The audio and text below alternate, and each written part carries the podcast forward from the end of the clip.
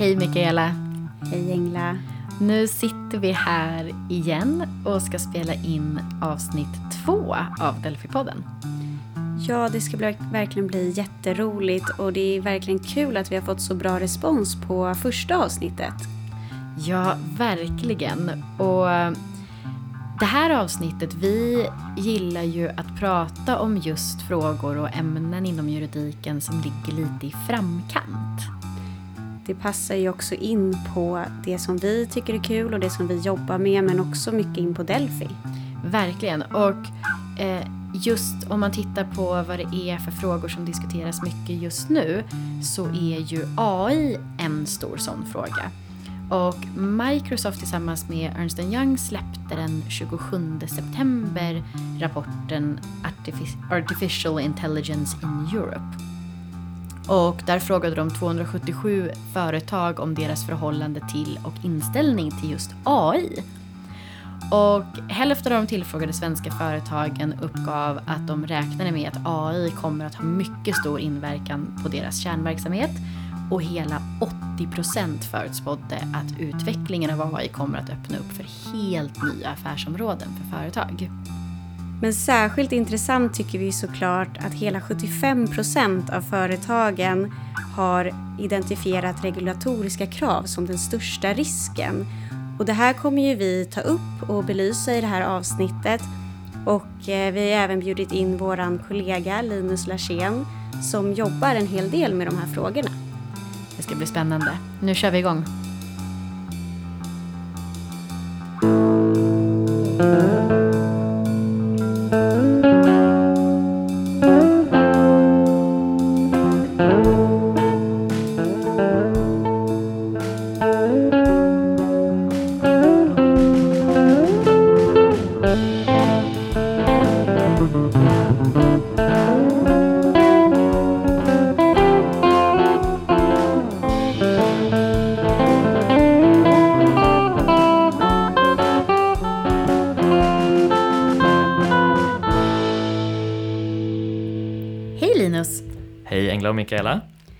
Verkligen jätteroligt att du vill vara här idag och eh, spela in ett avsnitt av vår podd.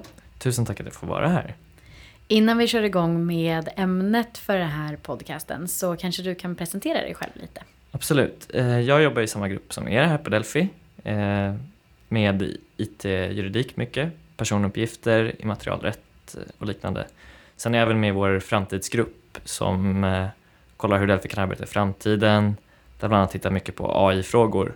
Någonting som jag tycker är väldigt spännande i allmänhet. Både hur yrkesrollen för jurister förändras och vilka juridiska frågor som uppkommer. Och det här har jag varit intresserad av sedan jag pluggade egentligen. Det är därför det är så perfekt att vi har kunnat få bjuda in dig till det här avsnittet idag. Men nu måste vi ändå komma in på vad är AI egentligen? För det är ju ändå huvudfrågan. Ja, och någonstans så blir det precis som du säger, huvudfrågan blir ju någonstans att, att hitta en definition för att det känns som i dagsläget så används AI, är ju ett helt klart trendande ord som används eh, delvis för att sälja saker. Exakt eh, Exakt, visa på teknisk kompetens, teknisk utveckling. Fram, Exakt, så att eh, vi måste nästan för att, för att verkligen kunna förstå vad vi pratar om sen bara landa i vad är AI? Man kan säga att AI är teknik som utför uppgifter som det traditionellt sett har krävt eh, mänsklig intelligens för att utföra.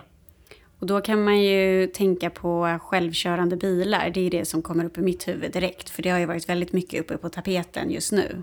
Ja, och jag tänker lite mer på den här robotarna tar över världen, iRobot-filmen. Med robotar som har någon form av egen självständig intelligens och lär sig själva. Just det. Och då, då går man in lite mer på djupet i AI kanske och pratar om begrepp som machine learning, ett sånt begrepp som man ofta hör.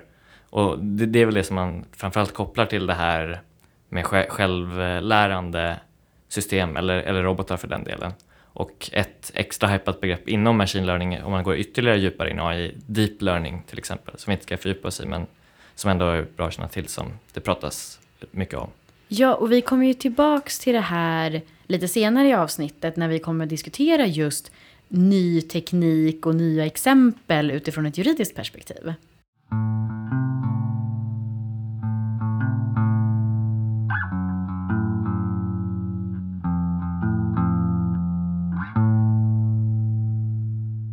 Något som är väldigt intressant och högst relevant i diskussionerna kring AI är ju hur samhället påverkas och hur samhället kommer att se ut i framtiden med just beaktande av den här nya tekniken. Ja, där tycker jag någonting som är väldigt intressant i den här tv-serien eh, Black Mirror som handlar om teknik som ställs på sin spets och de svåra moraliska och etiska frågorna som uppkommer. Ja, det är en av mina absoluta favoritserier och jag tycker att det som det som är så spännande med det, de här är ju helt fristående varje avsnitt, men varje avsnitt handlar ju om när man, tekniken går lite överstyr och hur det påverkar eh, moral, etik men också integriteten hos människor. Och ett av de tidigaste avsnitten som blev väldigt omdiskuterat också när den här serien släpptes handlade ju just om, om rankningssystem och hur man eh, via insamlingen av information om, om medborgare Ja, och i Kina så har man ju faktiskt infört ett rankingsystem för kinesiska medborgare där man just eh, tittar på poäng. Man belönas och straffas utifrån hur man beter sig. Ja, och de här belöningssystemen eh, bygger ju precis som i serien på att du kan flyttas upp och ner på en skala över hur pass bra du anses vara som medborgare. Ja, precis. Och det, det, är flera faktorer där som spelar in. Och det som jag tycker var läskigt när man såg eh, vad som hände om du, om du hamnade lågt på den här rankingen, att du till exempel inte fick resa med tåg eller flyg. Det är exakt samma saker som händer i det här avsnittet av Black Mirror också. Ja, och det finns ju ytterligare effekter som man kan eh, drabbas av om du hamnar långt ner. Till exempel att du eh, inte kan få söka vissa jobb, att du inte kan få en viss skola till dina barn. Um, man kunde ju till och med få begränsad internethastighet. Så det var ju väldigt lång lista där när vi tittade närmre på vad man faktiskt kunde få för straff. Ja, och bedömningspunkterna um, utifrån hur du flyttas på skalan kan ju vara större saker. Men det kan också vara mindre saker som till exempel att man anser att dina köp, ditt köpbeteende inte är optimalt eller att du lägger för mycket tid på att spela tv-spel. Ja, eller använder dig av sociala medier på ett felaktigt sätt. För de tycker ju att använder du av sociala medier på ett sätt som de tycker är bra, vilket kan vara att man skriver någonting positivt om regeringen. regeringen. Så det blir som att tekniken blir ett superbra redskap för att styra människor och få dem att bli den perfekta samhällsmedborgaren någonstans. Ja men precis, och det är ju väldigt intressant för att här, precis som du säger, så, så, så vill man skapa stoppa ett beteende hos enskilda. Men det finns ju också den motsatta eh, effekten som man ser mycket i samhället. Till exempel när, när samhället och de värderingar vi har istället påverkar tekniken. Och då kan man ju tänka på en robot som man programmerar och hur våra normer och värderingar påverkar besluten. Ja, ni minns säkert precis som jag det här exemplet från Twitter med den här chattroboten. Det var ju mm. just det här med de mänskliga värderingarna. Att det var, den, den skulle, man skulle visa liksom hur långt AI-tekniken hade kommit, en härlig, härlig robot som kan twittra och kommunicera med folk. Men inom 24 timmar har den här roboten blivit jätterasistisk och eh, sexistisk och fick tas ner. Och sådana där grejer, problem uppkommer ju alltid med AI och just, just för att tekniken är så komplex och så är det svårt att hitta det här innan, innan det kanske är för sent. Man, man märker att någon inte står rätt till men plus också att jag tror att man måste vara öppen för att det är fortfarande i skapandet av den här tekniken så är den mänskliga påverkan fortfarande så pass stor att vi måste vara ärliga och öppna med de brister som, som finns hos människan. Och att vi inte ens kan... Eh, här pratar man ju mycket om de dolda personlighetsdrag eller åsikter som finns hos människan som vi inte kan, eftersom att de inte är medvetna om dem alltid själv, så kan inte vi hindra dem från att också överföras till tekniken.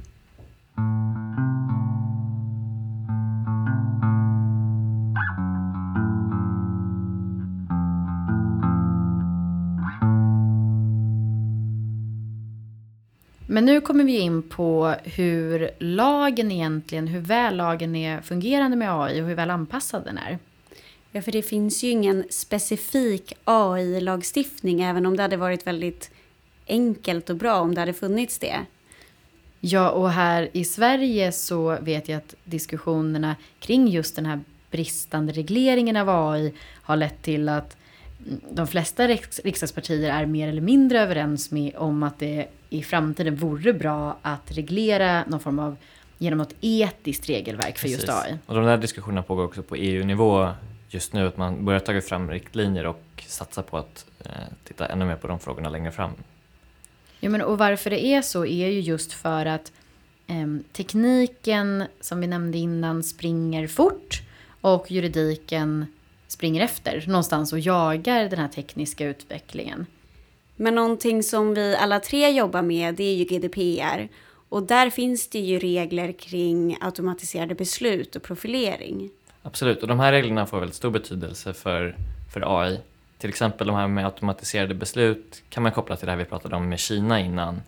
Eh, när myndigheter bestämmer saker om medborgare i, i en motsvarande europeisk situation så skulle det få väldigt stor betydelse, de här reglerna. Och även, även profileringsreglerna är viktiga när, när AI används till exempel för att förutspå vid marknadsföring till exempel vad, vad människor vill köpa utifrån deras personligheter och intressen och liknande. Men just gällande automatiserad beslutsfattning så finns det ju också mindre drastiska exempel. Till exempel så tillämpas ju den tekniken på många myndigheter i Sverige i dagsläget. Absolut, även försäkringsbolag och banker är andra exempel. på som Kreditinstitut är väl ja, väldigt vanligt ja, att hur man precis. rankar någons eh, liksom, kreditvärde. Men om det här med, med profilering så finns det ju exempel där det inte har blivit så bra. Och det här det är ju återkommande i sociala medier att man samlar in mycket data för att, för att kunna rikta marknadsföring. Det är ju så många sociala medieplattformar tjänar pengar. Men det var också en butikskedja i USA som skulle kartlägga sina besökares eller kunders eh, köpmönster. Och eh, i de här situationerna så var det en 16-årig eh, flicka som hade blivit kartlagd och genom den data de hade samlats in så hade de kommit fram till att den här flickan var ju enligt sina köpmönster då en gravid medelålders kvinna. Ja, det här blir väldigt integritetskänsligt, alltså särskilt om du hamnar i sådana situationer, du hamnar i en fel kategori kanske. Men, men annars, du, du, du kanske inte vill bli sorterad på ett visst sätt och det är därför som det här regelverket eh, ställer särskilda krav på hur, hur och när profilering får, får användas. Ja, och som vi pratade om tidigare så speglas ju mänskliga normer och värderingar in i den tekniken som vi skapar, vilket man brukar kalla diskriminerande algoritmer. Ja, det finns ett känt exempel där från USA till exempel, där man ofta använder AI i rättegångar för att eh, bedöma om en person ska hållas häktad eh, inför en huvudförhandling till exempel utifrån en algoritm som bedömer risken för återfall och liknande. Och där, där är det många som har anklagat de här algoritmerna för att diskriminera utifrån hudfärg Ja, och det är ju inte bara där som man har haft de här problemen utan i, i många olika typer av tekniska lösningar där man använder sig av, av data för att till exempel i skönhetstävlingar ta fram en vinnare baserat på symmetri i ansiktet och så vidare. Så har testgruppen och den data som man, som man stoppade in till exempel uteslutande varit från, från vita personer. Och det innebär ju i slutändan att, att de här algoritmerna kommer innebära diskriminering. Japp, och jag vet, det här finns också inom rekryteringsbranschen till exempel så vet jag att det har tagits fram algoritmer, till exempel inom, inom teknik så har AI-systemen miss av, av misstag identifierat att det skulle vara en fördel att vara man i en rekrytering för att det finns en överrepresentation av män. Och man, man ser också skillnader mellan hur bra AI-system känner igen män och kvinnor på bild. Och så så det, det, finns ju överallt det här exempel på så här, olika sorters diskriminering. Ja, och här är det ju egentligen bara att krypa till korset med att, att det här är problem som vi har i vårt samhälle och vi kan inte komma ifrån det när vi ska skapa de här tekniska eh, lösningarna på grund av att vi är alldeles för påverkade av dem själva. Mm. Ja, och där blir det ju som du nämnde tidigare Engla, just det här att vi kanske verkligen behöver ett etiskt regelverk för just AI.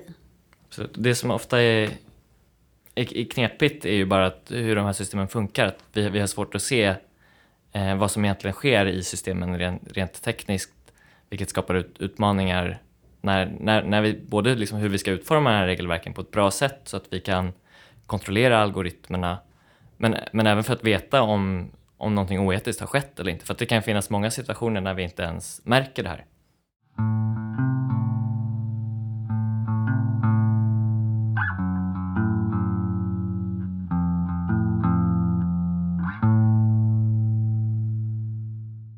Ja, men nu har vi ju pratat om att det finns en hel del problematik kring AI. Eh, så det som är viktigt att komma in på här nu är just ansvaret. Vem är det som kommer att ha ansvar om det blir fel? Jag kommer tillbaks till iRobot. Vi vet ju vad som kan hända. Robot och apokalypsen. Ja, för där har vi ju, vi, vi pratade ju förut även om de här självkörande bilarna till exempel. Och om det skulle hända någonting, vi säger att någon blir påkörd på gatan. Vem är det som ansvarar för den här olyckan? Det är en väldigt typisk fråga. Där har ju faktiskt den svenska lagstiftaren tittat närmare på det tidigare i år. Det kom en utredning i våras när man har börjat eh, ändra tankegångarna kring vad som är en eh, förare och att man, man ger ett ansvar för bilens ägare till exempel i vissa fall av självkörning eh, när de här automatiska systemen är igång. Men det är fortfarande många svåra etiska dilemman där med utformandet av autopilot. Så som vi vet. Ja, men till exempel um, ett klassiskt exempel som jag har hört flera prata om är ju det här med när du ska då programmera eh, och göra själva koden till hur bilen ska köra. Så måste du ju programmera in vissa eh, val som bilen kommer göra. Eh, och så är det ju. Bilen kommer ju till största möjliga mån undvika en kollision eller undvika att skada den som kör bilen. Men sen kan man ju tänka sig att det finns ju precis som i dagsläget så finns det ju chaufförer som kör bilar eh, med särskilt viktiga personer till exempel. Eh, vi, tänk, vi låt oss säga att vi har en president som, som åker i den här bilen. Så bilen är framtagen för att vara extra trygg och extra säker. Men den som gör bilen måste ju någonstans ställas inför de eh, liksom etiska avgörandena. Att till exempel eh, situationen där det sitter en högprofilperson i bilen, en president, eh, det går en barnklass över gatan. Ska bilen, bilen gör en riskutvärdering att antingen kör jag rakt in i betongväggen på sidan, eh, presidenten kommer med 99% sannolikhet dö, eh, eller så kör jag rakt över barnklassen. Det är de två valen bilen ställer sig inför. Vad gör man? Det här är ju, ja men det är just här man kommer in på den här etiken. För hur ska man kunna ta det beslutet och vem ska bli ansvarig då för att man har kört över, vi säger att man väljer då att köra över den här klassen med skolbarn. Vem blir ansvarig för det då? Är det den som har programmerat eh, den här liksom, koden för att bilen ska köra över? Eller blir det personen som sitter i bilen? Hur, hur tänker ni här? Jag tror att det är superknepigt. Det kommer säkert bli en fråga som domstolarna kommer brottas med mer och mer längre fram och eh, slita sitt hår över det här. Men, men det som är bra med svensk lagstiftning, vad jag har förstått i alla fall, är att vår, våra skadeståndsrättsliga principer är ganska flexibla och kan användas i väldigt olika situationer eftersom de bygger på en, en vårdslöshetsbedömning, inte så mycket mer. Så att det går att applicera även i nuläget på, på fall med AI-program man då får kolla från situation till situation, till exempel om det är en utvecklare som har gjort någonting som är vårdslöst eller kanske en användare av ett, ett AI-program. Men här tänker jag att eh, produktansvarslagen kommer in också. Ja, nej, men det tänker jag med. Den tar ju sikte på personskador som en produkt har orsakat på grund av en säkerhetsbrist. Eh, och då för att vara extra tydlig så eh, produkter är ju lösa saker. Eh, men, och det här kan ju leda till skadestånd enligt eh, lagen. Så det måste ju ändå bli väldigt relevant. Ja men precis, och om man tittar på vilka som ansvarar då enligt den här lagen så är det ganska många olika som kan träffas av den. Det är delvis den som har tillverkat men även den som har importerat eller satt en sån här produkt på marknaden inom EU. Eller bara den som marknadsför produkten som sin egen genom att man har sitt namn eller varumärke på den här produkten. Så att någonstans så tänker jag att det handlar om antingen den som möjliggör att man nås av produkten inom EU eller den bild man får av vem som faktiskt eh, liksom har, har den här produkten. Ja men precis, och det, det blir högst relevant tror jag också. Och det är även någonting som EU tänker. För nu, nu nu har man tänkt att, jag tror nästa år, att man ska göra en, ett förtydligande kring hur de här reglerna faktiskt gäller i samband med användning av AI. Till exempel om du skulle köpa en hemrobot och någonting går fel. Ja, så att det finns ju ändå då svensk lagstiftning som reglerar det här området i dagsläget. Så att vi är ju inte helt vi är inte helt eh, utan skydd eh, ifall det plötsligt skulle komma en, en ganska stor boom av robotteknik, ännu mer än vad vi redan har. Men om vi då tittar på eh, utöver det här, om vi då kommer till en ansvarssituation där man, där någonting har hänt och eh, vad, i vilken utsträckning kan man i framtiden hålla roboträttegångar? Alltså kommer man, vi pratade lite om machine learning innan, kan man straffa en robot för att den har lärt sig någonting själv? Kan vi ha en roboträttegång är min fråga och kommer vi sätta robotar i fängelse? Alltså man skulle ju kunna tänka sig det samtidigt så är det ju ganska enkelt kanske att ta ut batterierna och skrota, roboten. ja, så. skrota roboten tänker jag. Kanske Eh. lite resursslöseri att ha stora fängelselokaler där robotar vandrar runt. Ja, det är väl min... Trycka på off-knappen. Ja. Men, men rättegångar då? Kan man, kan man straffa en robot själv? Man kan tänka sig det. I, idag har inte mm, robotarna någon rättskapacitet, eh, eller AI-system i allmänhet, och kan inte bära skyldigheter och rättigheter. Det är bara fysiska och juridiska personer som kan göra det enligt svensk rätt. Men det är en väldigt intressant fråga att titta på och det är också någonting som har diskuterats på EU-nivå. Jag vet att det är någon parlamentariker som har lagt fram en utredning kring att det skulle finnas en, just en ny typ av person som man kallar elektroniska personer som bär vissa rättigheter och skyldigheter och som där sen någon person som är kopplad till det här AI-systemet blir, blir ansvarig i slutändan men att man till exempel då skulle kunna stämma den här elektroniska personen som ett första led när någonting går snett. Alltså vi kommer ju ha roboträttegångar och det här påminner mig så mycket om en både sorglig och rolig eh, berättelse som jag har hört om hur det var förr när man ville eh, ställa djur till svars för eh, när djur hade begått brott. Och i den historien som jag hörde, det finns flera, det finns även att man hängde elefanter och sådär. Men just i den här historien så, så var det en gris som på något sätt hade lagt sig på ett spädbarn och då eh, dödat det här barnet. Så det är ju väldigt, väldigt sorgligt. Men sen ville man ju då straffa grisen. Så vad man bestämde sig för att göra var att eh, för att avskräcka andra djur från eh, att göra samma, begå samma brott så avrättade man den här grisen offentligt framför eh, de andra grisarna. Och det här skedde efter att en domstol då hade kommit fram till att det var ett lämpligt eh, straff för den här grisen och grisen fick en offentlig försvarare och eh, ja, dömdes då till döden. Och Ja, ja det här är ju eh, väldigt speciellt. Men, men man skulle ju kunna tänka sig att det skulle kunna bli något liknande med robotar. man trycker på on-kna- off-knappen framför alla andra robotar för att visa, Visa. dem vad som händer ifall man begår brott som robot. Dömas till att bli avstängd i 12 års tid. Exakt så. Exakt Ja. så.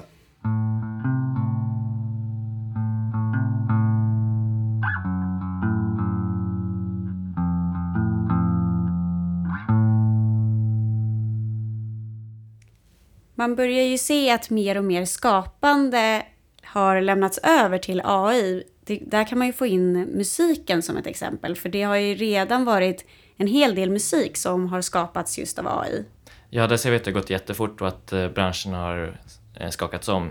Till exempel är det ju vanligt att datorspelsmusik nu görs med hjälp av AI och eh, grejen är att man kan använda dat- data utifrån tidigare lyssningar för att, för att skapa framtida musik och på något sätt utifrån den gissa vad människor kommer vilja lyssna på i, i framtiden. Så här händer det väldigt mycket. Ja, och där kan man ju verkligen tänka på hur, hur man skulle kunna se, men om man till exempel lägger in jättemånga då, vi säger Michael Jackson-låtar i ett AI-system och sen ska AI-systemet baserat på den här datan ta fram en ny låt. Det hade varit jätteintressant och vem vet, det kanske blir så att vi kan skapa he- helt nya låtar men som ändå känns 100% Michael Jackson i, i, i framtiden. Men det här får ju mig att undra om vi nu kan skapa musik som inte nödvändigtvis är Michael Jackson utan i, det kommer skapas musik som, som eh, väcker samma känslor och tillfredsställer det här behovet hos mig av att lyssna på Michael Jackson. Då borde ju musiken kunna individanpassas till den nivå att jag undrar, kommer vi lyssna på musik i framtiden eller kommer det bli en galen retrogrej, lite som retrouppsvinget nu att man ska handla LPs i, i butiker. Kommer det bli en retrouppsving i att lyssna på så här mänskligt producerad musik? Men det, det tror jag verkligen att det skulle kunna bli så. För det är ju, det ser man ju redan idag, att man, man får egna spellistor. Nu är det ju inte själva just den musiken som är skapad, men det är ju redan nu börjat att man kan få på Spotify liksom egna spellistor. Det blir ju liksom individanpassat Precis redan så. i dagsläget. Att, att mina mest spelade låtar 2018 kommer inte alls vara era mest spelade låtar 2018. Nej, och där tror jag även att det kommer kunna bli så att då kommer det inte bara vara låtarna utan det är själva musiken. Så den musiken som du lyssnar på eller som Linus lyssnar på kommer inte alls vara den musiken som jag lyssnar på. Så är det verkligen. Men oavsett vad som händer så är jag i alla fall säker på att jag kommer lyssna på ACDC även i framtiden, även om robotarna tar över. Men det är ju inte bara musikområdet som det är så här på, utan även inom konsten har vi ju sett att, att konst börjar produceras av AI och skapas av AI. Absolut, för några veckor sedan hade vi en auktion där det var en AI-målning som såldes för ungefär 4 miljoner kronor tror jag att det var. Rik, rik robot. Ja. Verkligen. Men någonting som jag tycker är det mest intressanta inom det här området, eller inte mest intressant, men, men jag ska ju komma tillbaka till, till Netflix. För att Netflix har ju... Jag tror att man tänker att Netflix är en smart tjänst. De tjänar väldigt mycket pengar på att tillhandahålla eh, ett stort utbud av eh, serier och filmer till oss. Och det är ju en smart tjänst i sig. Men det som Netflix också har, det är extrema, extrema kunskaper och insikt i våra eh, beteendemönster och våra preferenser gällande vilka serier vi vill titta på, vilka filmer vi vill titta på. Och det här är inte bara för att föreslå för dig, du kanske också gillar. Utan det här används ju faktiskt för att ta fram eh, nya filmer och serier. Visst är det så. House of Cards är ett klockrent exempel på det. Nej, jag vet att man med hjälp av eh, då data från användarna kom fram till att en serie där Kevin, Kevin Spacey spelar president i huvudrollen och som baserar sig på ett gammalt brittiskt manus skulle bli en tittarsuccé. Och det blev det också. Ja, men, och det här är ju, jag kan tycka att det här ur ett eh, eh, liksom kreativt eller konstnärligt och hur man, hur man, om man tittar på hur det tidigare varit så är det ju ofta de filmer och serier som har vunnit väldigt mycket priser är ju de som eh, pushar gränserna för vad vi tror, eller vad vi inte vet att vi vill se. Det är ofta de filmerna som har, har störst effekt på oss. Och här tänker jag att data fungerar ju någonstans så att även om vad Netflix försöker göra är att baserat på gammal data förutse vad vi kommer vilja titta på. Så är det ju ändå gammal data, så de baserar ju ändå vad vi kommer vilja titta på på våra tidigare mönster. Så frågan är, kan den här tekniken och den här typen av användning av data verkligen pusha gränserna för att och ge oss det som vi inte visste att vi ville ha? Nej, men det här tror jag verkligen är någonting som man bör lyfta och som faktiskt kan bli ja, men, ett problem. För att vi vill ju ha det här kreativa, att man hittar på nya saker, någonting som man kanske absolut inte trodde skulle funka, men som blir succé. Jag tror att det kommer vara mycket svårare för regissörer och alla som gör den här typen av liksom, eh, material att våga vara kreativa. Hitta Kommer- den här stora kreativa explosionen som chockar oss. Nu pratar man ju om indie. Vi tänk, det känns som att allting som inte blir AI-skapat kommer få en sån här indie-stämpel. Men det Ja, kan men- säkert bli en sån mottrend. Alltså, Ja. alltså även som vi var inne på med musiken, att det blir det analoga retro. blir det nya coola. Liksom. Exakt. Men det som blir väldigt intressant nu när vi pratar om skapande är ju rättigheterna och hur man faktiskt kommer skydda de här rättigheterna. Och där kommer man ju in i upphovsrättslagen. Och idag så är det ju så att det måste vara en fysisk person som har skapat det här verket för att det ska få skydd. Visst, men där, där kommer det sannolikt också bli väldigt svåra gränsdragningar vid skapande av verk där man får göra några, eh, till exempel om det är konst som skapas med hjälp av AI när man får då bedöma utifrån nuvarande regler om det finns en tillräcklig mänsklig inblandning i skapandet som gör att eh, man kan få skydd för verket. En annan knepig fråga är också att bedöma vem, vilken person det är i så fall som, som ska få skydd för det kan finnas flera som är inblandade i ett AI-system, till exempel både en programmerare och en användare som har liksom skapat förutsättningar för ett verk. Och här kan det ju komma in lite frågor också inom ramen för anställning. Att man kanske börjar bråka när en anställning upphör eller liknande. Om det är den som, som då eh, gjorde det faktiska skapandet eller om det är den som anställde den som skapade. Och här finns ju en, en så kallad tumregel för det fall att en person är anställd. Eh, att då övergår ofta liksom, nyttjanderätten och förfoganderätten över, eh, över det här verket då till arbetsgivaren. Medan om du inte är anställd utan till exempel är konsult eller liknande så, så kommer du behålla den själv. Men det enklaste är ju förstås här att, att eh, reglera det genom ett avtal just inom anställningsförhållandet. Men, men om man tittar på just datorprogram så är det ju lite lättare för där finns det ju också en tydlig presumtion att det som skapats vid arbetet övergår direkt till arbetsgivaren. Ja, och utöver rättigheterna som skapas utav AI i sig så kan det ju också vara svårt att skydda själva systemet. Ja, precis. Och där, där finns det stora begränsningar i vad man kan täcka in under upphovsrättslagen.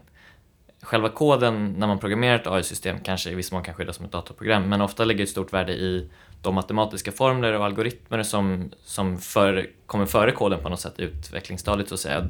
Där är det inte säkert att man kan få ett fullgott skydd genom upphovsrätten och där får man kolla närmare på kanske andra skyddsformer för att skydda AI i nuläget. Patent kan vara relevant att titta på men där är också att man får ganska smalt skydd. Så att någonting som också är värt att tänka på är att se om man kan skydda det som företagshemligheter, kanske sådana här AI-algoritmer i vissa fall.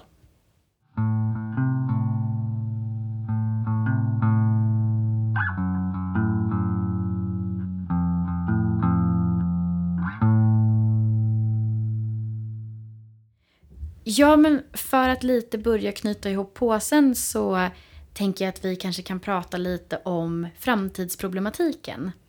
Ja, vi har ju varit inne på ansvarsfrågan, men även eh, moral och etik när vi kommer in på diskriminering. Så där är ju någonting som verkligen kommer bli någonting som man måste se över i framtiden. Verkligen. En annan viktig fråga tycker jag är transparensen kring AI-system och in, insynen i vad som faktiskt händer. Det kommer bli superviktigt för både för framtida lagstiftning och för att kunna använda lagar, att vi vet vad som faktiskt händer. För att många av de här systemen idag är väldigt komplexa och vi vet faktiskt inte vad det är som händer från att vi stoppar in data på ena sidan av systemet och att det kommer ut på den andra. Och här tror jag att man får fundera ur ett lagstiftningsperspektiv hur man kan göra för att ställa högre krav på transparensen.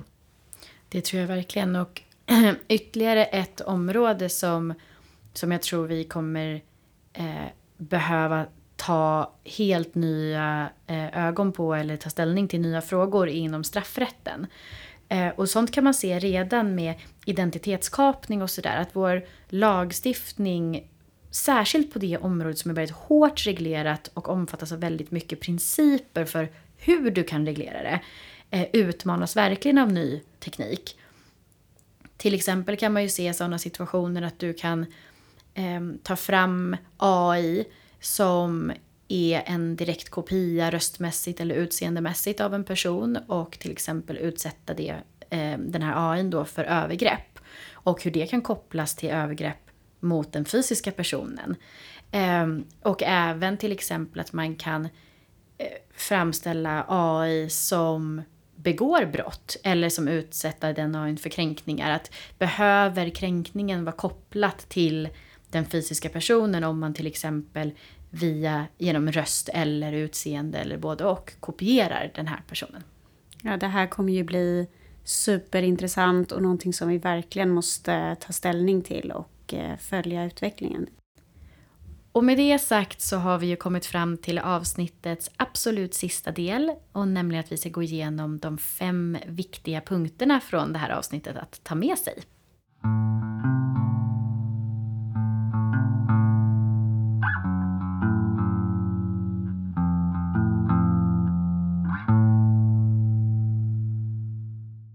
Men ska vi göra som vi brukar göra då, att vi kör varannan? Det blir jättebra. Vi tar varsin punkt här. Då börjar jag med punkt ett. Reglera rättigheterna kring det du tar fram eh, i avtal. I dagsläget som vi pratade om så finns det ju vissa regleringar kring rättighetsfrågorna. Men det är alltid bra och väldigt viktigt att man skriver ner det i avtalet. Då går jag in på punkt två som jag skulle säga att det är väldigt viktigt att man följer vad som händer tekniskt eftersom att det går så fort. Så eh, häng med och följ vad som händer. Punkt nummer tre. Nu har vi pratat mycket om robotfängelser och eh, spännande framtidsscenarier i det här avsnittet, men en sak som är viktig att komma ihåg är att vi vet inte så mycket om hur fort eller när det här kommer hända med AI, så att det är viktigt att försöka hålla koll på vad som är hype och vad som är verklighet.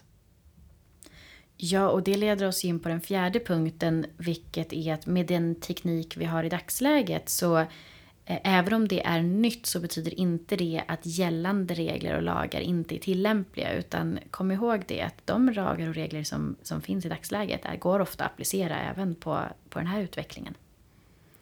Och om jag ska avsluta då med sista punkten så skulle jag ändå säga att AI det är ju väldigt viktigt att man tänker att alla kan ha en roll i AI och att eh, man faktiskt kan vara med och påverka och då kommer vi in på det här som jag pratat om med etik, moral och transparens. Så tänk på de här bitarna. Vill du komma i kontakt med oss eller ha frågor rörande Delphi-podden så finns vi på sociala medier. Facebook, Instagram, Twitter och LinkedIn. Där heter vi advokatfirman Delphi. Du kan självklart också mejla oss, mejl Engla på antingen angla.eklund.delfi.se eller mikaela.hamilton.delfi.se. Sen finns det självklart all information på vår hemsida www.delfi.se